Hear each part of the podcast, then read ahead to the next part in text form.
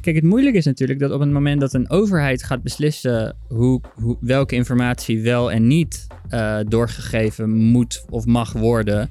Ja, dat, dat, dat vind ik een nog ingewikkeldere situatie dan dat Mark Zuckerberg het voor het zeggen heeft.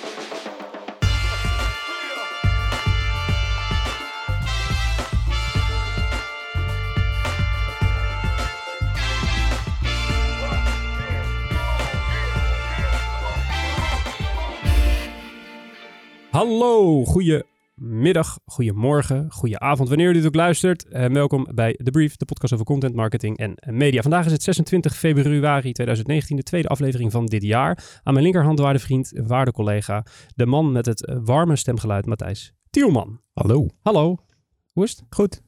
Is 2019 je nog altijd zo uh, positief uh, bevallen? Ik heb het naar mijn zin, ja. Gaat okay. lekker. Ja, mooie okay. dingen. Heb je mooie content gezien? Al me maar een vaste, vaste openingsvraag in. Verrassend dat je dat vraagt, ja, Mark. Uh, ja, zeker man. Um, dit weekend eindelijk weer eens even relaxed kunnen lezen. En um, ja, The Wired van niet deze maand, maar vorige maand. Dus dan hebben we het over de februari-editie volgens mij.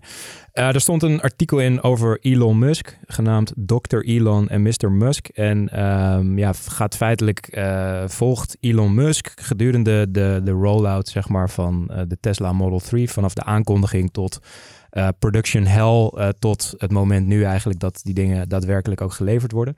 En vertellen eigenlijk hoe hij ja, gewoon best wel doorgedraaid is en, en hoe hij als persoon door die, ja, daar doorheen gegaan is.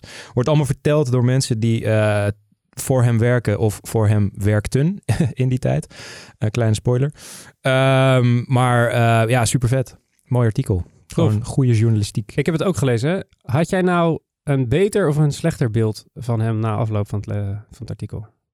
Ik heb daar veel over nagedacht en, en ik bewonder Elon Musk wel. Ook gewoon om, zeker omdat nu zie je heel sterk dat hij een soort hoger doel dient en daar zichzelf volledig voor naar de knoppen werkt. En dat, uh, ja, dat is het gevoel wat ik er uh, wel aan overhield dat neemt niet weg dat het af en toe ook gewoon een debiel is. Die gewoon uh, hele idiote dingen doet.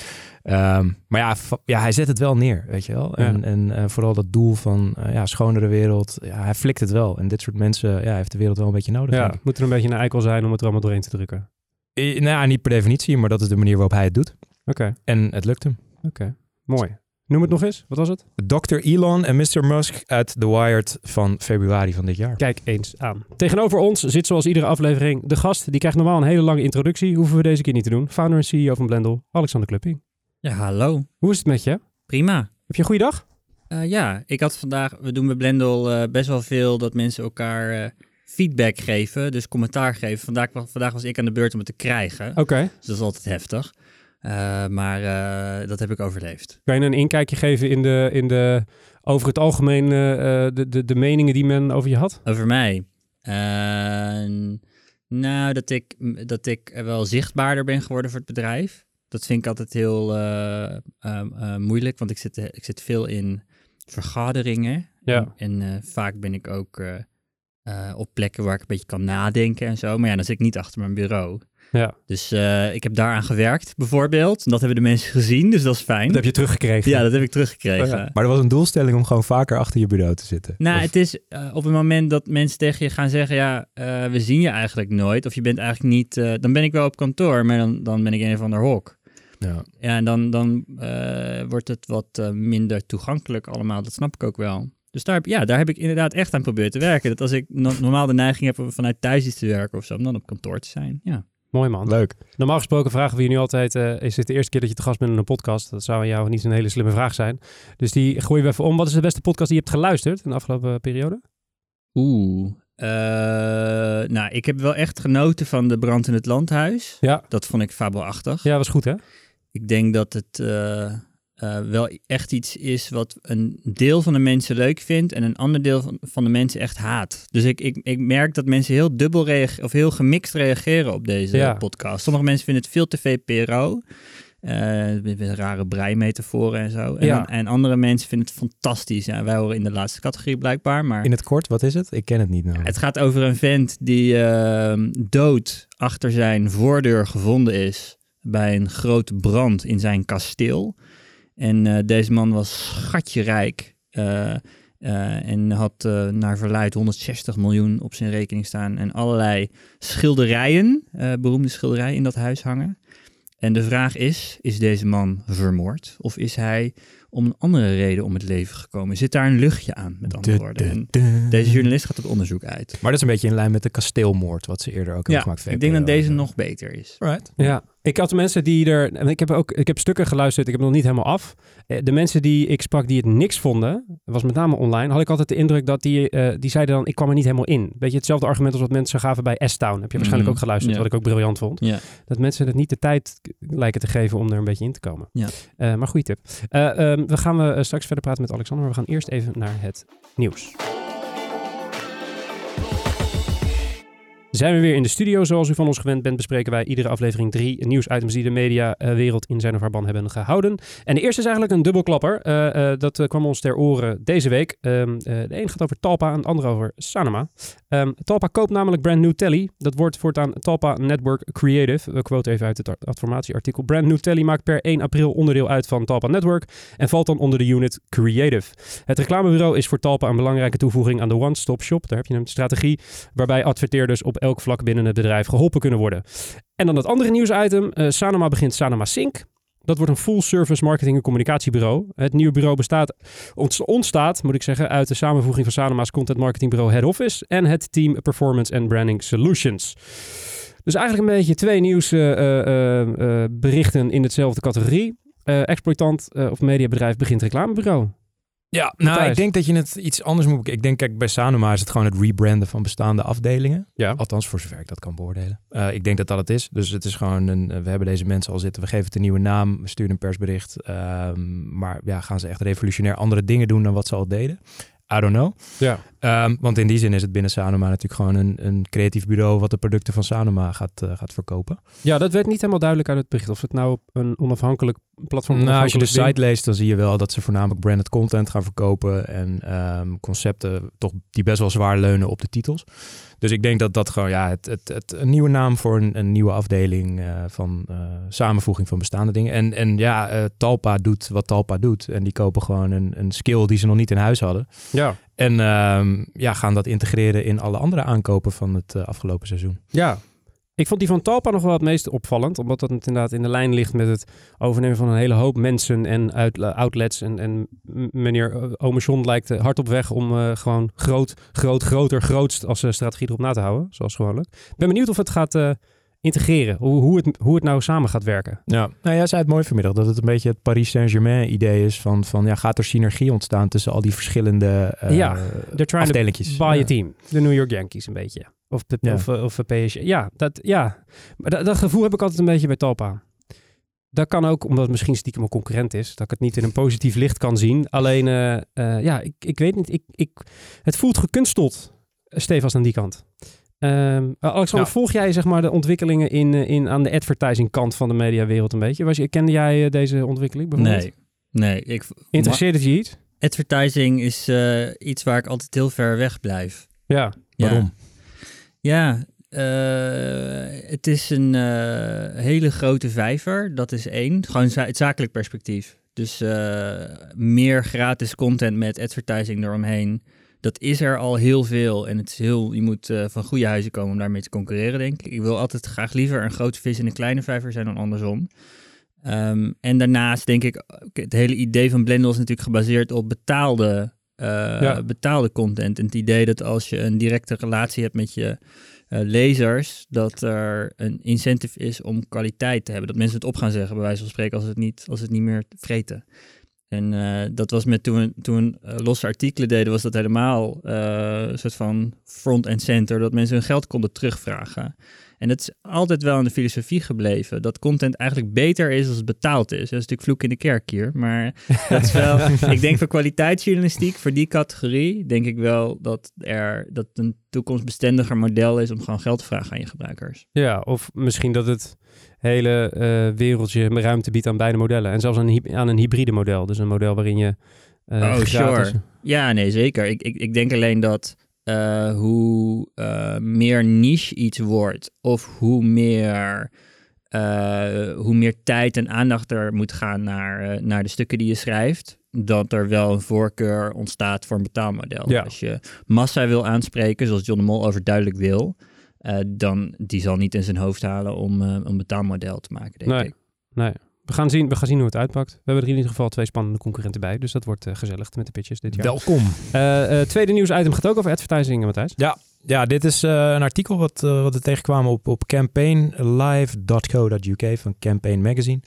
Um, artikel geschreven door Rory Sutherland, de vice chairman bij Ogilvy. Uh, in de UK, denk ik.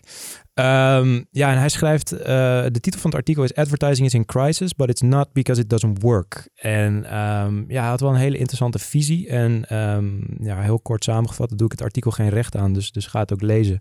Maar hij zegt, we leven in een uh, efficiency bubble. Um, dus wij als uh, reclame-industrie zijn alleen nog maar bezig met uh, zo efficiënt mogelijk naar de conversie toewerken. Um, en dat betekent niet per definitie dat we de meest effectieve reclame maken. Um, dus we beslissen eigenlijk steeds meer op basis van data en, en dat soort cijfers. En daarin vergeten we dus de, de psychologische kant van uh, ja, consumentengedrag. Um, waardoor uh, advertising, wat toch vaak inspeelt op, op emotie en psychologie, uh, in een soort verdomde hoekje komt te zitten. Omdat dat heel moeilijk aan te tonen is aan een boardroom, um, die uiteindelijk de portemonnee moeten trekken. En um, ja, de investering gaan doen in, uh, in reclame. Terwijl... Dat is overal zo. Ik dacht dat het alleen bij ons zo werkt. Nee, nee, nee. werkt het dus, overal. Ja, nee, en, en in die zin is dat ook logisch. Alleen um, ja, hij, hij zegt feitelijk van um, op lange termijn kan je het beste juist wel in marketing investeren. Omdat um, het allersterkste monopolie wat jij kunt creëren is een uh, mentale voorkeur bij je mm. klant. En dat doe je bijna altijd door middel van het bouwen van een merk. Daarin moet je investeren. Uh, wat niet per definitie altijd rationeel uh, lijkt. Um, maar op lange termijn vaak wel een, een goede, goede oplossing ja. biedt.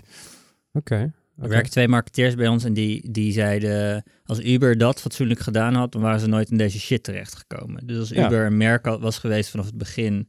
waar mensen uh, ja, wat, wat, wat rijker was geweest... en meer een, meer een ja, een soort beeld in je hoofd had opgeroepen, dan was het voor mensen makkelijker geweest om uh, daarachter te gaan staan in plaats van het zo massaal af te vakken. Ja, nou, hij schrijft ook dat het echt symptomatisch is voor, voor de, de tech-industrie en die natuurlijk ook heel dominant wordt in de, in de advertising, dat um, ja, vaak de, de CTO een hele belangrijke uh, rol speelt. En, en ja, om maar even disrespectvol te zeggen, de nerds binnen het bedrijf, die uh, geloven vaak niet in marketing. Die hebben veel liever dat dat geld wordt gestopt in het ontwikkelen van nog mooiere, nog betere producten. En dat dit soort dingen daar dus inderdaad een, een uitwas van, uh, van zijn. Hoe is, dat, hoe is dat gegaan bij Blender? Want je kan, als je als gebruiker navigeert in, in jullie UI, dan merk je aan de microcopy dat er wel degelijk na is gedacht over hoe het merk moet voelen. Was jij daar betrokken bij? Of is dit iets wat, wat jij uh, ja. links laat liggen? Nee, zeker. We, we hebben, ik denk, twee hele heldere fases gehad. Eén was het begin. Als je een bedrijf begint, dan is de identiteit onmiskenbaar. Dat is, dat is niet in vragen dat daar twijfel over is. Dat is, weet je, je begint met heel veel vuur en passie, begin je een nieuw bedrijf. Dan is marketing een soort van ingebed daarin. Het ja. zit in het hemelbestormende en in het... Uh, uh, ja, je, je, wil echt een, de, de wereld gaan uh, veranderen. Maar jij was ook de belichaming daarvan. Ja, ik denk dat dat hielp wel mee. Laat ik het zo zeggen. Er, er, er, er, was, er was al uh, wat platform wat ik kon bereiken. Maar daarmee haal je maar een deel. de, de rest is nog ook wel een hoop werk. Maar wat ik, wat ik merkte is dat er al twee fases waren. En dat we, ik denk een jaar of drie geleden, dat we opeens de, wat we in het begin waren, dat we dat een beetje kwijt waren geraakt of zo. Dat we, ik merkte dat we eigenlijk helemaal niet meer zo helder, helder voor ogen hadden wat onze soort van raison d'être eigenlijk was. En uh, we hebben afgelopen half jaar daar weer heel veel tijd zijn we daaraan gaan spenderen. Van, Um, als je nou echt teruggaat naar de vraag wat betekent journalistiek, waarom journalistiek, dan had ik heel erg de neiging in het begin om dat te zeggen. van ja, dat is, van belangrijk voor de democratie en uh, meer van dat soort hoogdravende shit. Maar ik er eigenlijk, eigenlijk door daar heel veel over te praten achter ben gekomen dat voor mij veel uh, kernachtiger en pragmatischer is. Namelijk mensen, dat ik heel veel passie heb om mensen helpen uh, betere keuzes te maken. Dat is iets waar we inmiddels bij Blendel heel veel over praten. Dat in de kernjournalistiek uh, mensen helpt betere keuzes te maken. Dus dat nou bij verkiezingen is dat je wil gaan weten hoe je moet gaan hardlopen. Help me. Want er is zoveel. En er is zoveel wat onbetrouwbaar is. En opeens heb je dan ook een paraplu waar je veel meer mee kan doen dan, weet je, een nieuwsbrief en een app en audio en al die shit. Het is, we kunnen zoveel meer daarbij uh, bouwen. Dus opeens je merk veel helderder voor ogen hebben. Opnieuw helder voor ogen hebben op een gekke manier. Het klinkt heel raar. Zorgt er ook opeens voor dat je ambitie weer uh, verder dan de horizon reikt. En is dat een soort van collectief proces geweest bij Blender? Of is dat iets wat zich met name in jouw hoofd Nee, dat is wel... Uh, ja, mijn hoofd is daar wel een, een groot deel van. Maar ik, we hebben twee marketeers die wel echt daarin begeleid hebben. Ja. Dat is heel belangrijk. Ja. Heb je die ook om die reden aangenomen, zeg maar, toen je beseft... Van, nee, maar zij confronteerde mij echt met uh, het gebrek daaraan. Dus ik was in het begin, nou, ik ben ook zo'n nerd die zegt gewoon performance marketing. En dan, zij, zij deden er echt heel erg moeilijk over. En uh, dat was heel juist. Dat was de reden waarom we uh, heel veel tijd zijn gaan besteden aan het proces ervoor, namelijk merkstrategie. En dat, uh, daar heb ik heel veel aan gehad. Ik had daar, toen we net begonnen, het geduld helemaal niet voor.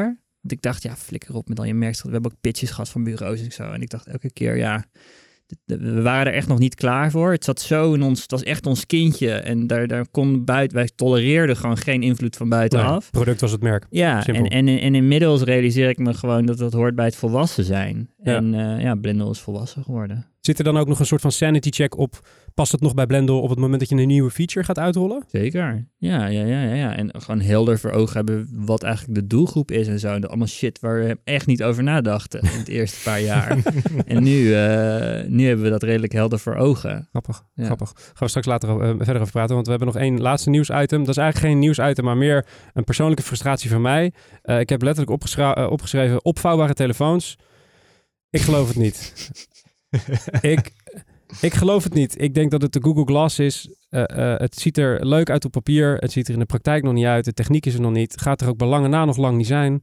Iedereen zegt dan, we hebben een oprolbare, oprolbare televisie die er fantastisch uitziet. Dus die, dat, dat, dat stroomt wel door naar die telefoon. Ik geloof het gewoon niet, Matthijs. En jij gelooft het wel en dat frustreert me enorm. Ja, maar het frustreert mij dat jij dat niet ziet. Dus we moeten, we moeten hier even over, over kletsen. En dan, we hebben een goede scheidsrechter. Uh, scheidsrechter. Ja, ik zal uh, beslissing ja. het Nee, maar ik, kijk, ik zie die telefoons. Uh, kijk, ik zie zo'n ding en ik heb zoiets van, ik wil het omdat het nieuw is en ik wil ermee spelen en ik wil gewoon weten hoe het werkt. En waarschijnlijk kom je dan, zoals met heel veel van dit soort dingen, tot de conclusie dat je daar eigenlijk niet zo heel veel mee kan. Nu nog. Maar ik zie dit wel als een soort start van iets heel nieuws. Weet je wat, wat zij doen? Dus we zijn natuurlijk gewoon gewend. Een telefoon is gewoon zo'n zo'n rechthoekig kastje wat in je broekzak zit met één scherm.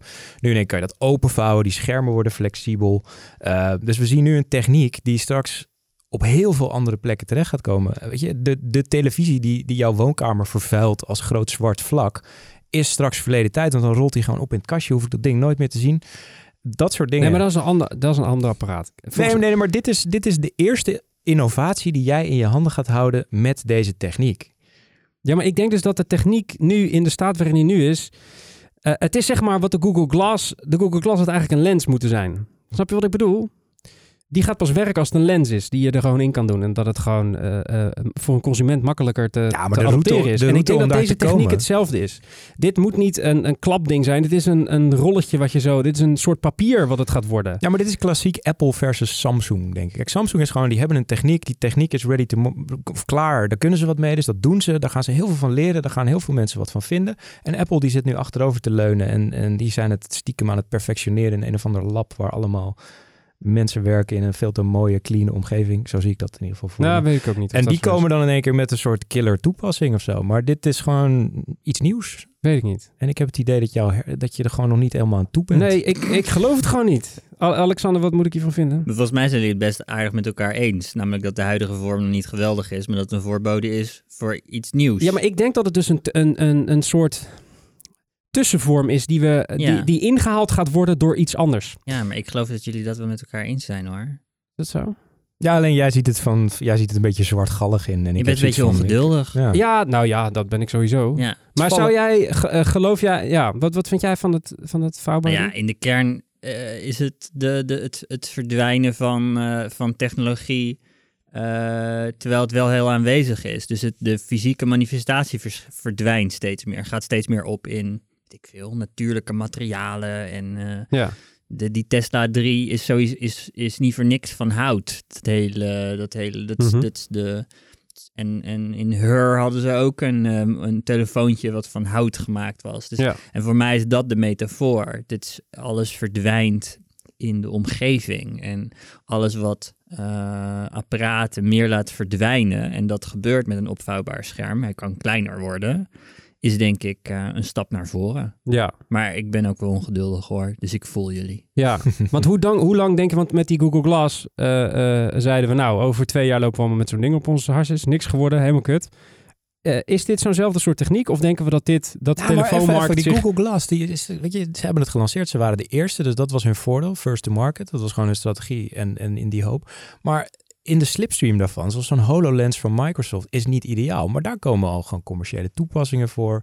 Eh, dus, Ja. dus, weet je, het is wel een soort beweging. Oké, nou prima. Dan koop je hem toch lekker. nou, niet vechten jongens. Nee, dat gaan we niet, dat gaan we niet doen. We gaan, eh, we gaan snel door naar het interview. Kunnen we verder praten over eh, gadgets, Blendel en, eh, en allerlei andere dingen. Eh, voordat we daarheen gaan, dan eh, verwijs ik u nog even naar de show notes. Heb ik nou iets gezegd of Matthijs of Alexander waarvan u denkt... hey, dat was interessant of ik wil iets meer weten over dat ene nieuwsitem. Kunt u naar www.wayneparkerkent.com slash podcast voor de show notes. Daar staat iedere verwijzing die wij hebben gedaan en gaan doen. Eh, dat is een hele lange link. Je kan ook gewoon klikken in het linkje, op het linkje in de beschrijving van deze video. Gaan we nu naar het interview, maar eerst even dit.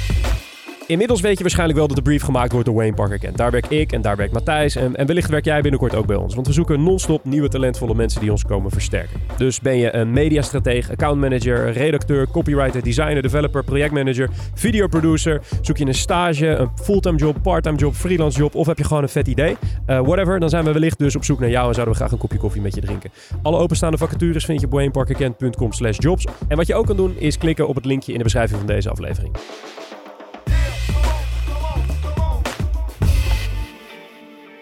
Terug in de studio met Matthijs Tielman en belangrijker met Alexander Klupping van eh, Blendel. Ehm, Alexander, in, eh, in het afgelopen jaar eh, werd er weer veel geschreven over Blendel. Het jaar daarvoor werd er ook veel geschreven over Blendel. Er wordt altijd veel geschreven wordt veel over geschreven ons. over Ja. Blendel. Maar als ik aan jou vraag, wat was 2018 volgens jou voor jaar voor Blendel?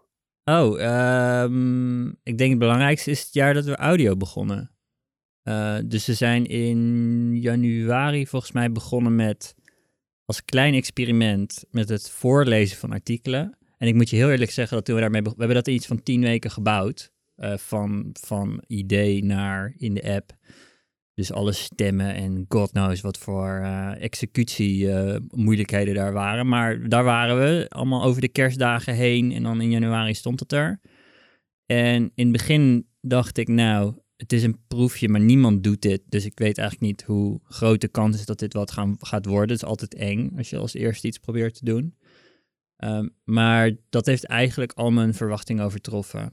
Eh, niet alleen ehm, hebben mensen het er veel over. Het is ook nog eens iets wat we in de data zien. eh, dat mensen veel langer abonnee blijven op het moment dat ze, dat ze veel naar audio luisteren.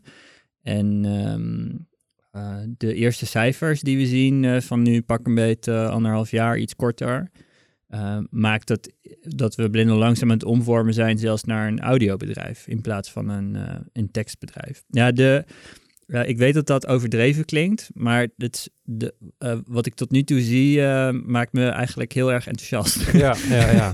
dus we zijn enorm aan het, aan het investeren daarin. En, en zie je dan dat, dat luisteraars ook een soort van...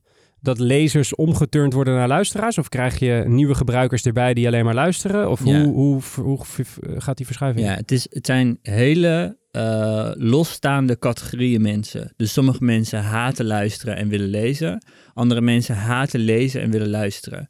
Dus in feite eh, waar we achter komen is dat de groep die luistert eh, nieuw is voor een groot deel. Ja. Dat er wel lezers zijn die omgeturnd zijn naar luisteren, maar daarna ook niet meer gaan lezen. Ja.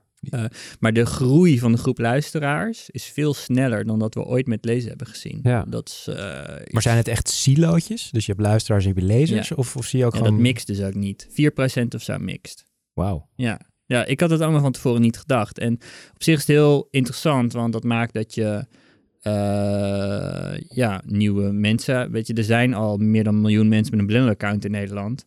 Eh, heus niet allemaal gebruiken die die even actief, maar de groei komt daar niet vandaan. De groei komt nu, merken we, van nieuwe gebruikers die we nog nooit eerder zijn tegengekomen.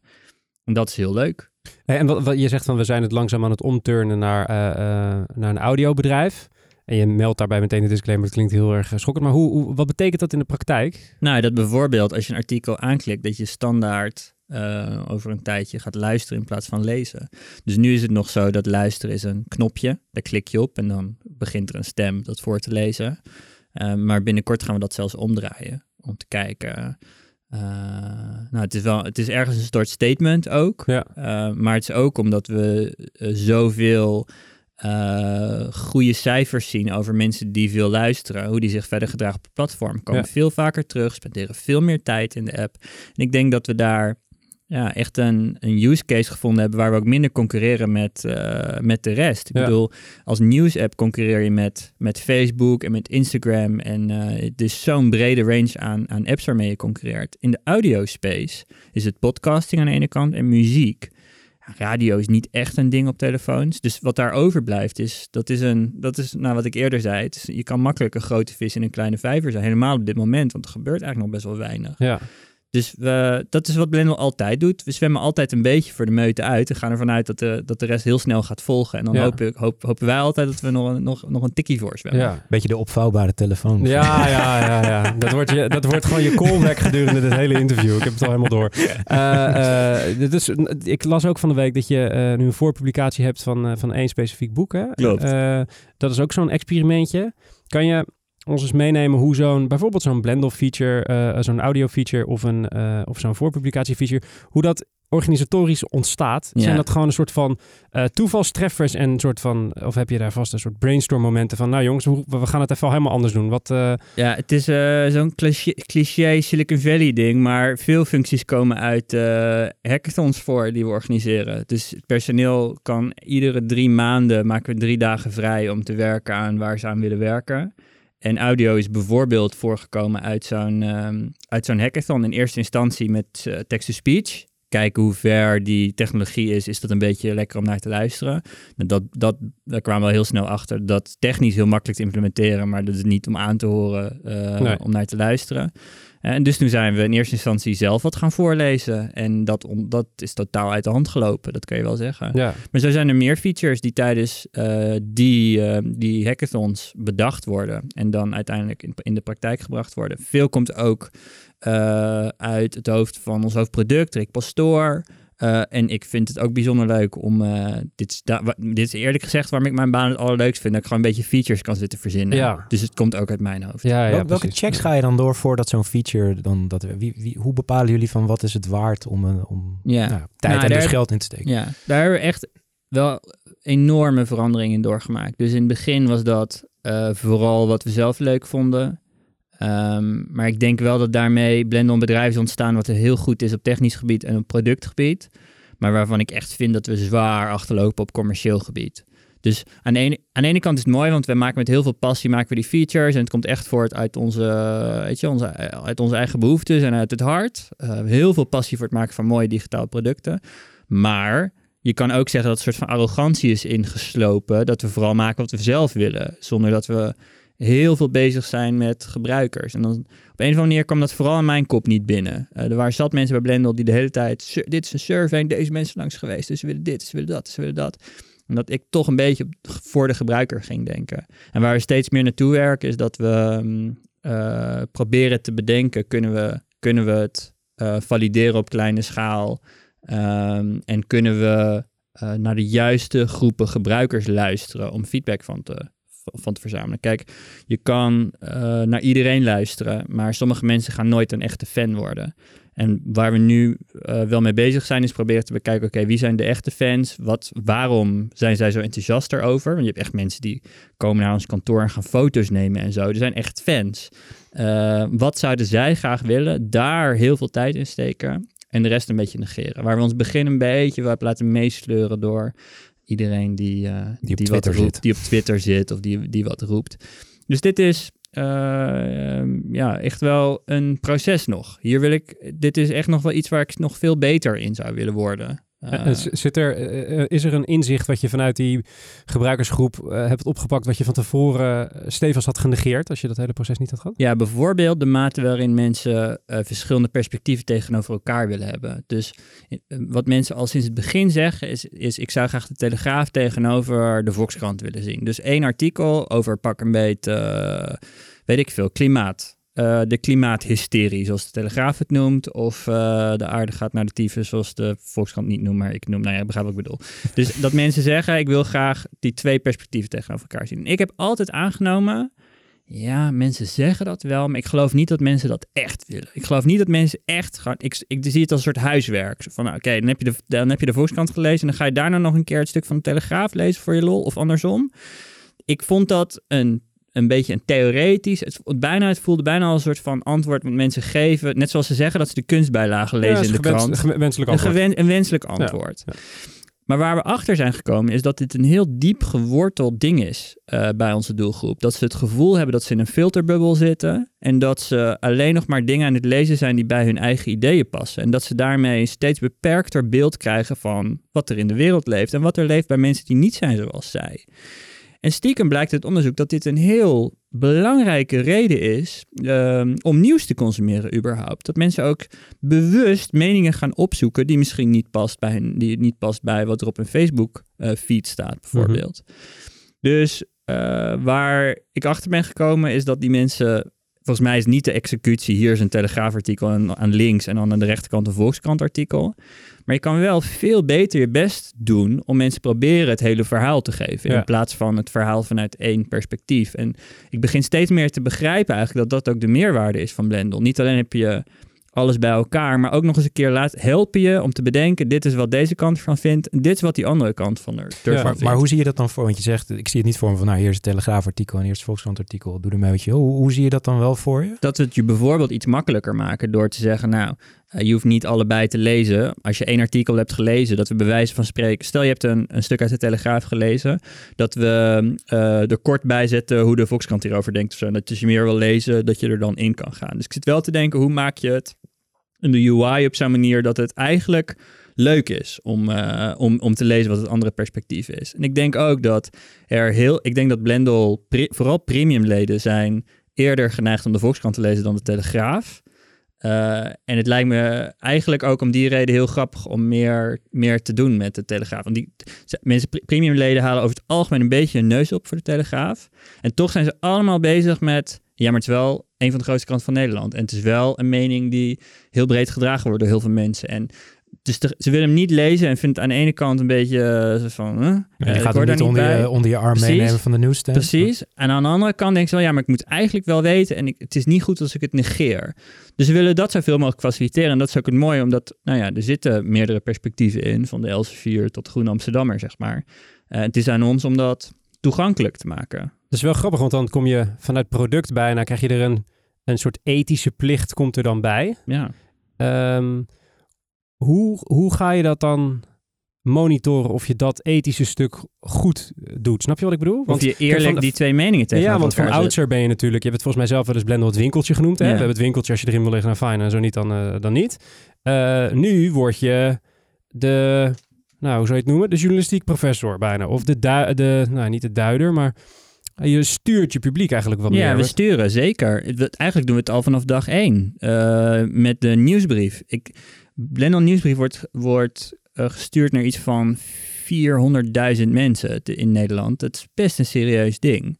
Um, en daarin maken we een selectie van, uh, van artikelen die, die mensen leuk zouden kunnen vinden om te lezen. Dat is een, vanaf het begin is dat eigenlijk het allersuccesvolste uh, ding wat we, wat we doen. Dat ja. is de nieuwsbrief, dat is het fundament waarop, waarop alles draait. Wat gek is, want we hebben een app en al die audio en la la la. Maar als je mensen vraagt wat vinden ze leuk aan Blendel, dus over het algemeen zeggen mensen die nieuwsbrief is zo lekker. Ja. Ik, kan, ik kan daar niet omheen, ik wil altijd iets aanklikken en la la la. Dus daar is heel veel, daar hebben we ontzettend veel geleerd de afgelopen vijf jaar over wat daar, wat een nieuwsbrief is die mensen waarderen. En uh, daar is een editorial selection. En dat is iets waar we heel veel over nadenken. Bijvoorbeeld, wat is de mate waarin je algoritmes daar een rol in laat spelen? we hebben een data science team. Die willen graag dat mensen zoveel mogelijk lezen. Dat ze zoveel mogelijk waarde uit een abonnement halen. Maar tegelijkertijd, als je data science team de volledige controle geeft over, over de content, dan worden gebruikers ook terecht, denk ik, boos omdat ze dan weer het gevoel hebben dat ze te veel in een filterbubbel geduwd worden. Tegenovergestelde, als je alleen maar editorially dingen selecteert, vinden mensen over het algemeen dat het product niet relevant genoeg is. Dus wat wij proberen te doen is heel erg een, een, een, mix te zoeken van aan de ene kant stukken waarvan we vinden dat je die zou moeten lezen. Het is een beetje met een, met een vingertje. Uh, dit stuk over Syrië, ook al gaat, het, gaat niemand erop klikken, we gaan dat toch uh, neerzetten. Uh, dat, dat, maken we dan wel een beetje lekker, want hoe saaier het artikel, hoe lekkerder de kop over het algemeen. maar we gaan het wel voeren. En daarnaast krijg je stukken die heel erg passen bij je, bij je interesses. Dat scheiden we niet van elkaar. Dus je hebt niet per se een nieuwsbrief door welke stukken uh, door ons gekozen zijn, uh, omdat we het belangrijk vinden, ongeacht je voorkeur en welke bij je voorkeuren passen. Um, maar we doen het allebei. En ja, dat is vanaf het begin een, ja, een keuze. En ik denk dat alle tech-platforms die te maken hebben met een veelheid aan informatie, maken selectiekeuzes. Sterker nog, het is de reden waar mensen het product gebruiken. Ja, maar, maar, hebben, maar hebben al die technologieplatformen met heel veel content, blauwe contentplatformen bijvoorbeeld, uh, volgens jou de ethische plicht om uh, daar een bepaalde filtering op toe te passen? Of een bepaalde balans in na te streven? Ja, de situatie Blendel en Facebook zijn natuurlijk wel twee heel verschillende dingen. Want ja. Blendel is, een, is een, in de kern een nieuwsproduct en Facebook is een entertainmentproduct. weliswaar een entertainmentproduct waar mensen ook wel nieuws vanaf plukken. Maar daarmee is de incentive, de ingebouwde incentive voor Facebook is niet mensen zo goed mogelijk nieuws te tonen. De ingebouwde incentive voor Facebook is mensen zo lang mogelijk op dat platform te houden. En aangezien mensen door, ga ik weer, niet voor betalen, is er ook geen ingebouwde incentive om een kwalitatief product te maken voor Facebook. Het gaat niet om kwaliteit, het gaat om de time spent. Nee, niet de time well spent. Nee, ik snap dat het niet inherent verklonken zit in de motivatie van uh, Facebook. Maar vind je gezien de mechaniek die nu eenmaal zo werkt en gezien het feit dat er nu eenmaal veel nieuwscontent te vinden is op Facebook, dus op zo'n manier gebruikt wordt, dat misschien wetgeving of misschien uh, een brancheorganisatie, zoals die bestaat, uh, moet afdwingen dat dat ethische kompas erin geramd wordt door middel van regelgeving of boetes of weet ik veel wat. Ja. Wat ze ook. Snap je wat ik? Snap ja, zeker. Nee, kijk, het moeilijke is natuurlijk dat op het moment dat een overheid gaat beslissen hoe, hoe welke informatie wel en niet uh, doorgegeven moet of mag worden. Ja, dat, dat, dat vind ik een nog ingewikkeldere situatie dan dat Mark Zuckerberg het voor het zeggen heeft. Ik heb nog liever dat bedrijven die keuze maken dan dat de overheid daar echt de leiding in neemt. We hebben natuurlijk allerlei wetgeving die Facebook behoudt om smadelijke dingen. Of weet je, er, er, is, er is al lang heel veel wetgeving die Facebook op een bepaalde manier beperkt. Maar er is niet voor niks dat, dat, het, dat die wetgeving al, weet ik veel, honderd, honderd jaar gebeiteld in steen staat. Dat is niet echt meer veranderd. En dat is denk ik omdat het zulke basale rechten zijn waar we het over hebben. Ja. En ik wil eigenlijk helemaal niet dat, uh, omdat er nu een, een, een hoos is van, uh, van fake news. Het is echt niet normaal op mijn Facebook. Het verschilt per persoon hoor, maar mijn Facebook, echt de Bitcoin-reclames waarin Twan Huis dan met zijn hoofd staat. ik, ik blijf elke keer klikken op dit is fake news, maar om de dag komt hij toch weer terug. Ik, zit echt te denken, wat doen die mensen daar bij Facebook? Maar anyway, uh, ik wil liever niet, omdat dit nu een, uh, een probleem is op dit moment in de tijd, dat daar al te dat, daar, dat, dat we in een knee-jerk reactie daarop wetgeving gaan inbouwen. Want uh, nogmaals, ik, ik, ik vertrouw in die zin de overheden nog minder dan, uh, dan de bedrijven. En de bedrijven, daar is in ieder geval nog een vorm van marktwerking. Laten we wel wezen, over vijf jaar praten we waarschijnlijk niet eens meer over het platform Facebook zoals we het nu kennen. Nee. Uh, dus ja, ik hoop heel erg dat met ieder, dat, dat op een bepaalde manier de markt zijn werk kan doen. En dat mensen, uh, ja, dat, is dan, dat hoop ik dan maar. Misschien is dat naïef, maar dat, dat mensen uh, platformen kiezen die ze, die ze kunnen vertrouwen. Ja. Wat, wat hebben jullie, heb je iets gemerkt van die hele fake news beweging, zeg maar? Heb je, zoals de New York Times, schieten jullie abonnees ook omhoog? Of, ja, of? als, als je vraagt aan mensen waarom gebruik je Blendel, dan is het in eerste instantie het gemak van dat alles op één plek is. Um, en het tweede ding is, uh, ik vind dat ik te veel meuk lees op internet. En fake news is daar een onderdeel van. Clickbait, fake news worden vaak in één adem genoemd. Ja, ja dus mensen zijn heel bewust hiervan. En je, en je noemt net dus zelf de, de, eh, de marktwerking als misschien een oplossing voor dit probleem. Hè? Dus, dus de gebruiker... Ja, dan vat je het wel heel kort samen. Maar ja, ja, ik ga met je mee. Ja, dus de gebruiker gaat de platformen dwingen om zich te beteren. Ja, dat hoop ik. Waardoor de overheid niet nodig is om uh, wetgeving op te leggen. Is dat wat een, een, betere samenvatting? Nou ja, ik, ik vind het nog erger. Zeg maar, het is een keuze uit twee kwaden. Dat is wat ik probeer te zeggen. Ja. ja. Dus dan liever nog maar even aankloten. En, en maar denk je dat dat de gebruiker dus dat, dat essentiële onderdeel in die marktwerking zich genoeg bewust is van welke speelbal ze zijn. Om, om die beslissing zo hard te nemen. Snap je wat ik bedoel? Kijk, ik snap in onze bubbel, om het even grootstedelijk uh, uh, bovenmodaal, dat wij het begrijpen, internet savvy. Maar misschien de, de, de massa die op zo'n platform toch de, de, de, de kachel doet branden, dat die zich niet helemaal bewust zijn van het feit dat ze zo misbruikt, tussen aanhalingstekens, worden. Maar omdat ze, met betrekking tot fake news bedoel je? Ja, ja, ja. Ja, Dus dat zij het platform maar blijven bezoeken en blijven bezoeken. Dat het probleem van die fake news maar door blijft en door blijft gaan. En dat Facebook, omdat ze nu eenmaal niet zo heel veel merken in hun business dat het bezoekersaantal naar beneden kan, dat gewoon doorgaan met dezelfde mechaniek. Ja, maar ik denk dat dit één grote race to the bottom is, waarbij niet per se uh, het intelligentieniveau van de gebruiker uh, maakt uh, of die doorheeft dat het fake news is of niet. Ik denk nu inderdaad, het is net als spam, weet je, of phishing. Ja, dat uh, er is een hele hoop spam en phishing die alleen maar geklikt wordt door mensen die echt nooit achter een computer zitten en dus in een of andere lelijk nagemaakte pagina zitten. Maar er is ook heel veel shit waar wij ook intrappen. Wij, Als er, als er een, een goede hacker ons wil social engineeren, dan, dan lukt het ons echt wel, lukt het hem echt wel om onze mailboxen binnen te komen. En voor mij is dat, is dat onderdeel van dezelfde wedloop. Wat ik, wat ik hoop is dat Um, um, uh, mensen stemmen met hun voeten. En dat ze zo moe worden van waar Facebook voor staat. Dus het is niet alleen hoe gaan ze om met fake news, maar ook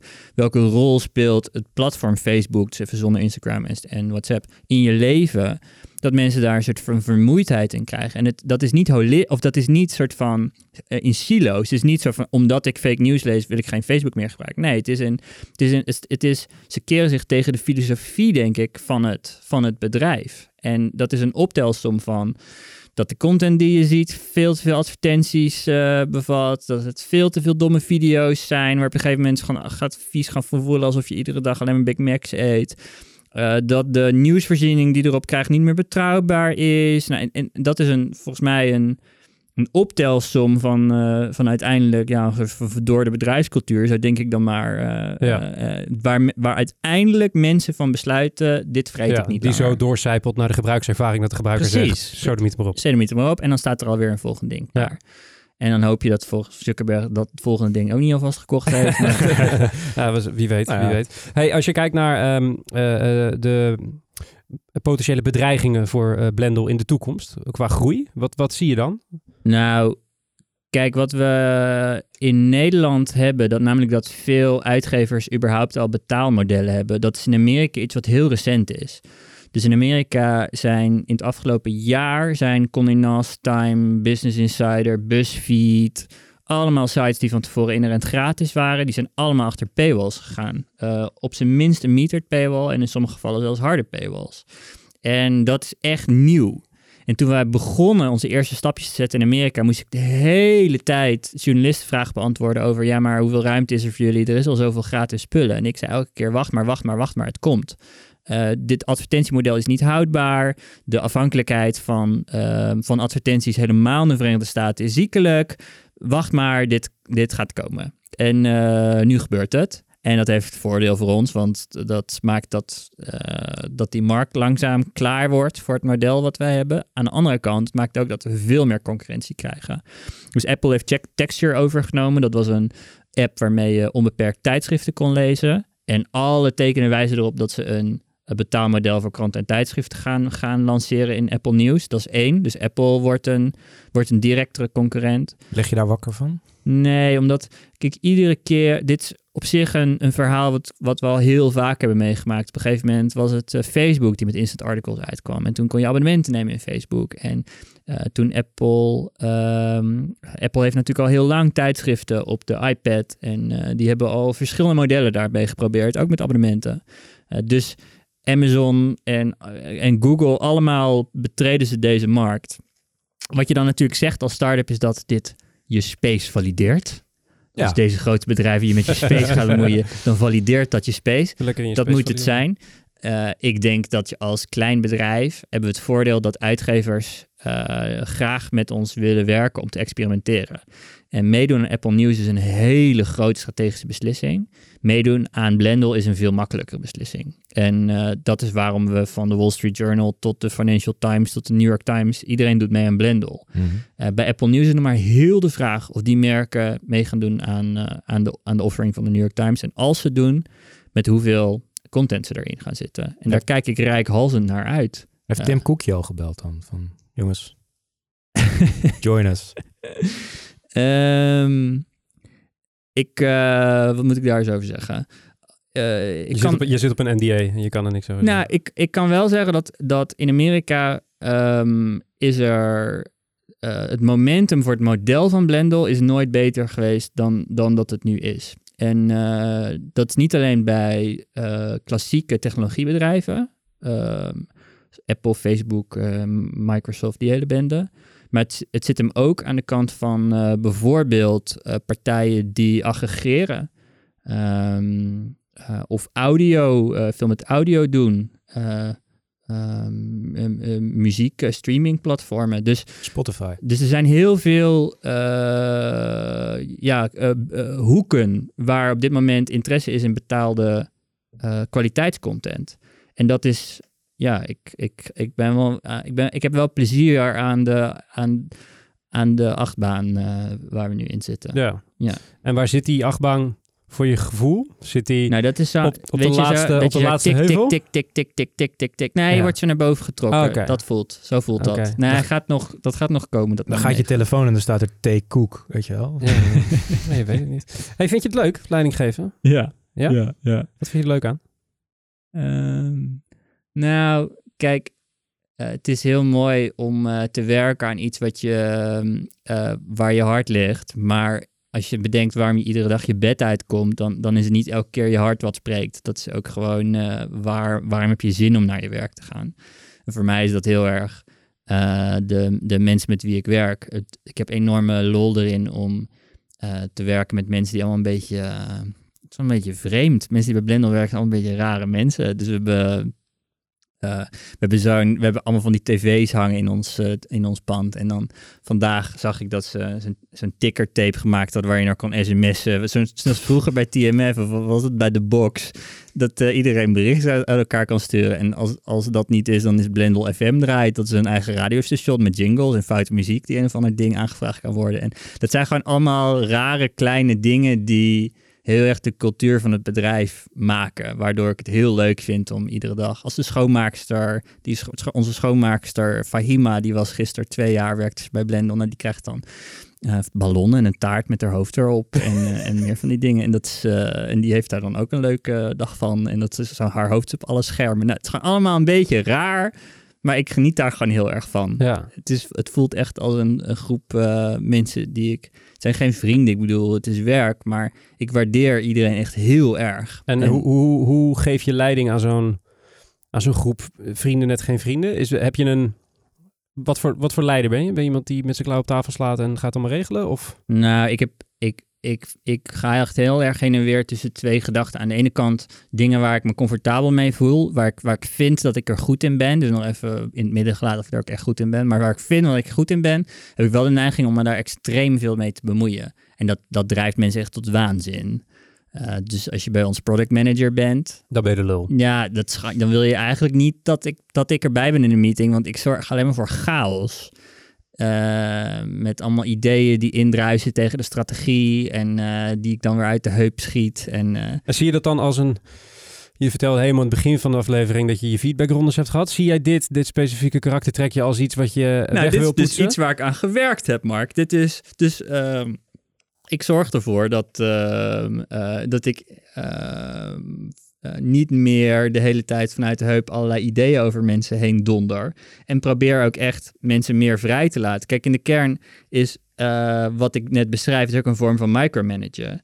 En als je een, een manier, een, een effectieve manier wil hebben om, om talentvolle mensen weg te jagen, dan moet je ze gaan micromanagen. En daar heb ik heel veel lessen over geleerd. Uh, en inmiddels, ja, ik, ik het kwam in de feedback vanmiddag niet zo heel veel meer over terug. Dus blijkbaar is dat beter geworden. En ik, ik ben ook meer gaan bouwen op, ehm, op mensen. Uh, ben ze meer gaan vertrouwen. En dat uh, krijg ik heel erg terug. En dat is iets wat me heel positief verrast heeft. Een, bedrijf runnen is best eenzaam, gek genoeg. Is, je bent met heel veel mensen, maar um, het is ook, er zit heel veel druk op je schouders. Het is eerlijk gezegd ook best wel eng af en toe. En als je dat in je eentje moet dragen, dan is het uh, zwaar. En dat is een, dat, een tijd lang heb ik dat wel gedaan. En wat ik ben gaan uh, omarmen is het, uh, is het vertrouwen van mensen om me heen. Het klinkt allemaal heel simpel, maar als iets je kindje is, dan is dat best lastig. Ja. En um, wat doe je dan als het misgaat? Ja, dat gebeurt dan dus. Dat zij dan zo, dan gaan we het fixen. Ja, dat, dat hoort er allemaal bij. En dan zal ik helpen om te fixen. Um, maar dat is het risico wat je, wat je moet nemen. Dat betekent niet dat ik geen fouten maakte. Ik maakte net zoveel fouten. Dus in de kern verandert er eigenlijk niet zo heel veel. Maar het maakt dat mensen meer. Uh, ik heb mensen echt zien groeien die, waar ik hiervoor heel erg op hun rug zat. En, en dat ik eigenlijk, als je zit op mensen hun rug, omdat je eigenlijk te weinig vertrouwen in ze hebt. Uh, en tegelijkertijd, op het moment dat je het helemaal loslaat, dan krijg je het vertrouwen in die mensen, omdat ze opeens laten zien dat het wel degelijk goed kan. Sterker nog, dat het veel beter gaat dan je ooit voor mogelijk had kunnen houden. En dat is in heel veel dingen gebeurd. En ik ben echt en ik ben een aantal managementrollen in gaan vullen die we veel eerder hadden moeten invullen. Dus een hoofd uh, financiën, um, een hoofd marketing. Uh, dat begint nu allemaal te kristalliseren. En dat, uh, dat had ik eigenlijk veel eerder moeten doen. Ja. Echt hoe, ervaring hoe, aan boord halen. Wat doe je dan het allerliefste, zeg maar? Um, nou, uh, wat doe ik het allerliefste? Nou, ik vind het echt bijzonder leuk om uh, uh, op eigenlijk op alle gebieden, dus of het nou product is, of HR, of marketing, of hoe we mensen aannemen of wat dan ook, om, ik vind het gewoon leuk om chaos te creëren. dus ik vind het gewoon heel leuk om als dingen een beetje ingekakt raken, ja, dan vind ik het gewoon niet leuk meer. Ik doe Blender ook omdat ik gewoon heel veel persoonlijke voldoening haal uit met, elke dag met die mensen zijn in ons rare hok boven Hoog Katerijn in Utrecht.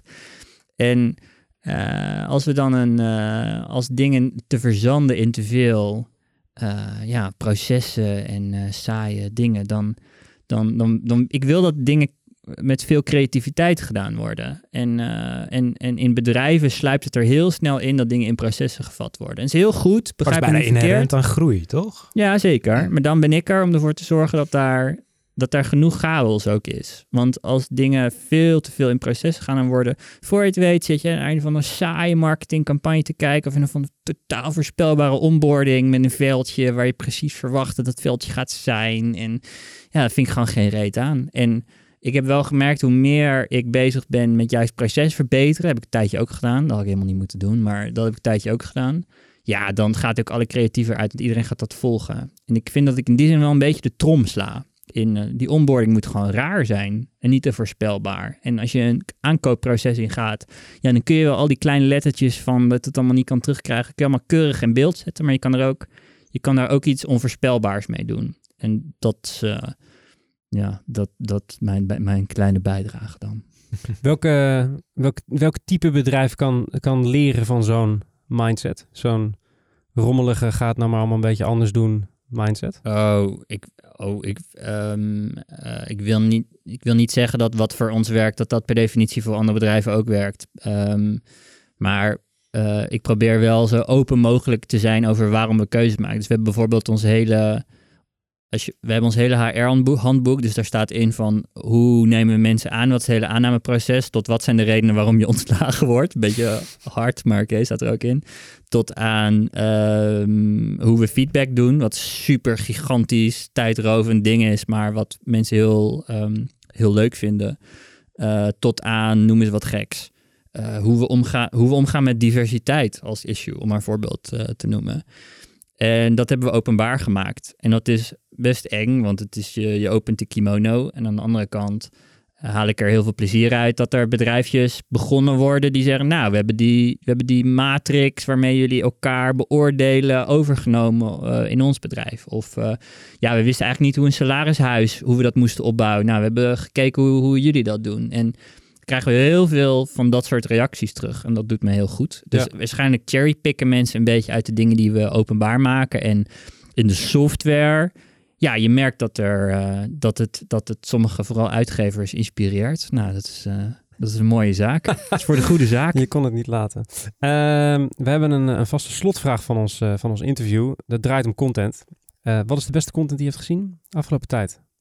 Uh, Mag iets van Blendel zijn? Nee hoor. Ik heb uh, een stuk gelezen uh, in de New York Times van Kevin Roos. En dat hebben jullie vastgelezen. Een gast die, die op zijn smartphone detox ding is gegaan. Mm. Heb je dat gelezen? Ja, ik heb het voorbij zien komen. Ik heb hem nog niet gelezen. Dus dit is wel zo'n in mijn nuzzel. Dus ik, ik gebruik nuzzel om te kijken hoe vaak dingen op mijn Twitter feed aanbevolen worden. Dit ontplofte. En toen was ik een beetje in de war, want ik dacht, dit is het zoveelste stuk over smartphoneverslaving hoe, hoezo doet dit het opeens zo goed? En uh, toen bleek dat dat een goede reden had, namelijk dat het, het is heel kort, maar ik heb uh, nog nooit, en ik ben al heel bewust over mijn smartphoneverslaving. Uh, en val altijd weer terug in oude patronen. Nadat Zoals ik dan... een verslaving betaalt. Ja, precies. Ja. maar dit is wel het eerste stuk wat ik heb gelezen wat wel echt in, indruk heeft gemaakt op me. Waarom? Ja, het is heel moeilijk eigenlijk om te zeggen waarom dit, waarom dit stuk zo anders is. Want hij is volledig gestopt, toch? Met smartphones. Nee, nee, nee. Hij heeft 48 uur cold turkey gegaan. En de rest uh, is hij zijn telefoon een uur per dag gaan gebruiken in plaats van vier uur per dag. En uh, nou, dat vier uur per dag lijkt eerlijk gezegd wel een beetje op mijn gedrag. Um, en ja, hij, hij, hij beschrijft heel erg wat je verliest door, uh, door zo verslaafd te zijn aan je telefoon. Hij, hij maakt heel tastbaar uh, dat de wereld waarin je niet ieder momentje opvult met. Hij beschrijft op een gegeven moment dat hij bij de kassa staat en dan tussen het invullen van je pincode en dat de betaling geslaagd is, die drie seconden had hij wel eens een e-mail gecheckt. En aan de ene kant, dan lees ik dat, dan denk ik, ha, wat een sukkel. Aan de andere kant denk ik, ja, maar ik sta op het perron en ik doe exact hetzelfde.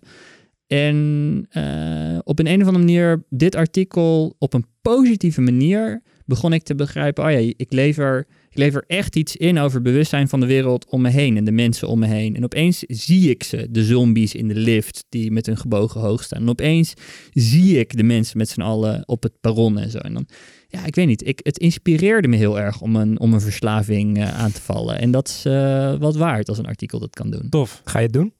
Ja, ik ben het aan het doen. Ik heb... Uh, al die, alle apps die that do not spark joy uh, staan uh, op nul minuten in de... In de Digitale Kondo. Ja, ja. ja. Mooi man. Waar was, het, waar, waar, waar was het in gepubliceerd, zei je ook weer? Dit was in de Times. In de Times. Gaan we in de show notes zetten. Alexander Klupping, CEO van Blendel. Bedankt voor je komst. Heel graag gedaan. Was onze studio nou mooier of minder mooi dan die van jullie? Nou, deze is een stuk groter. Oké. Okay. Uh, ja, ons is een beetje mufhok. Oké. Wel een heel mooi mufhok hoor. Een mooi mufhok. Maar wel kleiner. Oké. Kom je snel een keer terug? Ja, leuk. Jullie hebben lekker bier. Kijk. Mooi, mooi complimentje. Uh, kom snel terug. Matthijs Tielman. Mark Schoones. Hoe vond je het? Ik vond het gezellig. Ja? Ja, kan nog wel een uurtje. Kun je nog wel een uurtje? Nou, je weet, plakken we er nog een paar biertjes en een paar, uh, paar podcasts achteraan. Maken we er gewoon een marathon-uitzending af. Het is immers de vijftigste. Um, we zien je de volgende keer weer. Hebt u nou iets gehoord in deze aflevering van u denkt... hey, dat uh, vond ik interessant. Dan kunt u dat opzoeken in de show notes. Die vindt u op wayneparkerkent.com slash podcast. Of het linkje in de beschrijving van deze video. Vond u dit nou fantastisch en u denkt... Nou, ik heb collega's die dit ook fantastisch vinden. Uh, dat, dan moeten we even zeggen dat, u, dat ze zich kunnen abonneren. Dat kan via Spotify en via iTunes en noem het allemaal maar weer op. Uh, de brief wordt zoals iedere aflevering gemaakt door Wayne Parker Kent. Uh, onze mediapartners zijn Adformatie en BNR Nieuwsradio. Productie is in handen van de onvolprezen Kevin Eiken. Die heeft geen microfoon, maar die gaat wel wat zeggen. En de redactie wordt gedaan door de onvolprezen Wesley Embrechts. Heeft ook geen microfoon en die gaat ook wat zeggen. Mijn naam is Max Schoon. Is de volgende editie over twee weken. Tot dan. Dankjewel voor het luisteren.